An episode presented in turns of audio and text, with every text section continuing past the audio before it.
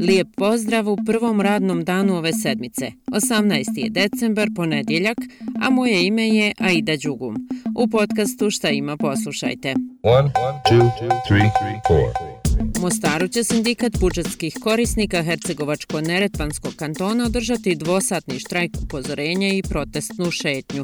Tačno u podne počinje štrajk i šetnja, a razlog je to što se vlada HNK oglušila na njihove zahtjeve za povećanjem od 15% na osnovicu za 2024. godinu i isplatu jednokratne pomoći po odluci vlade Federacije BiH.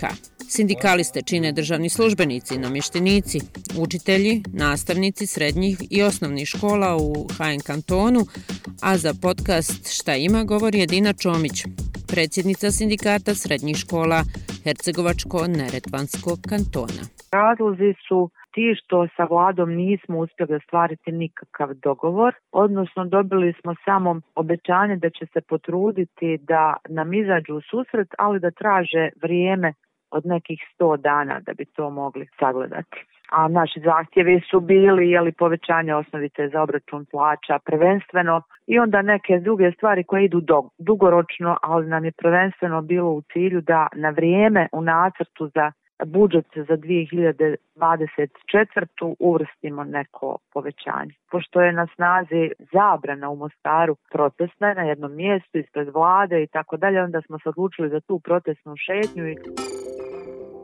Danas je Međunarodni dan migranata. Generalna skupština UN-a je 2000. godine, uzimajući u obzir sve veći broj migranata u svijetu, proglasila 18. decembar njihovim danom. Migracije su globalni fenomen, a počinju sa težnjama za dostojanstvom, sigurnošću i mirom. Odluka da se napusti dom je uvijek ekstremna i prečesto početak opasnog i ponekad i fatalnog putovanja. Sve više migranata u Bosni i Hercegovini, ali se ove godine kraće zadržavaju. U prosjeku zadržavaju se šest dana. Bosna i Hercegovina je uglavnom zemlja tranzita, a hiljade ljudi ide prema državama članicama Evropske unije. Šta ih je natjeralo da rizikuju život na putu ka zapadu, govore Sadam iz Afganistana i Mohamed iz Pakistana. Bježim od velikog talibanskog problema moje zemlje. Previše je problema u Pakistanu, talibani, mafija, ubojstva, slično. Samo želim da budem siguran. To je to. In future, I need a safe country. I want to live in safe. That's it. Još 1970. godine donesena je rezolucija Generalne skupštine Ujedinjenih nacija kojom se od tada do danas, 18. decembar, obilježava kao svjetski dan arapskog jezika. Oko 390 miliona je onih koji govore arapski i to je jedan od najraširenijih jezika na svijetu. Šesti je službeni jezik organizacije Ujedinjenih nacija, a jedan od rijetkih modernih jezika koji se piše i čita s desna na lijevo. Tadakartu lejla was sinin al.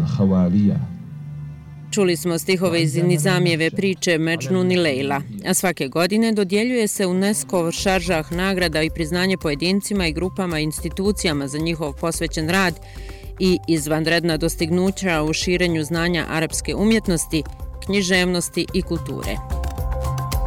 17. po redu Mostar Film Festival otvara večeras film Bosanski lonac režisera Pavla Marinkovića. Kako je praznično vrijeme, ulaz na ovogodišnje projekcije je besplatan. Festival zatvara film Stigme, režisera Zdenka Jurilja u četvrtak 20. decembra. Nakon toga stručni žiri festivala dodijelit će najboljim glumcima i glumicama nagradu Stablo ljubavi. Ja vas pozdravljam, toliko od mene za danas i čujemo se neki drugi put.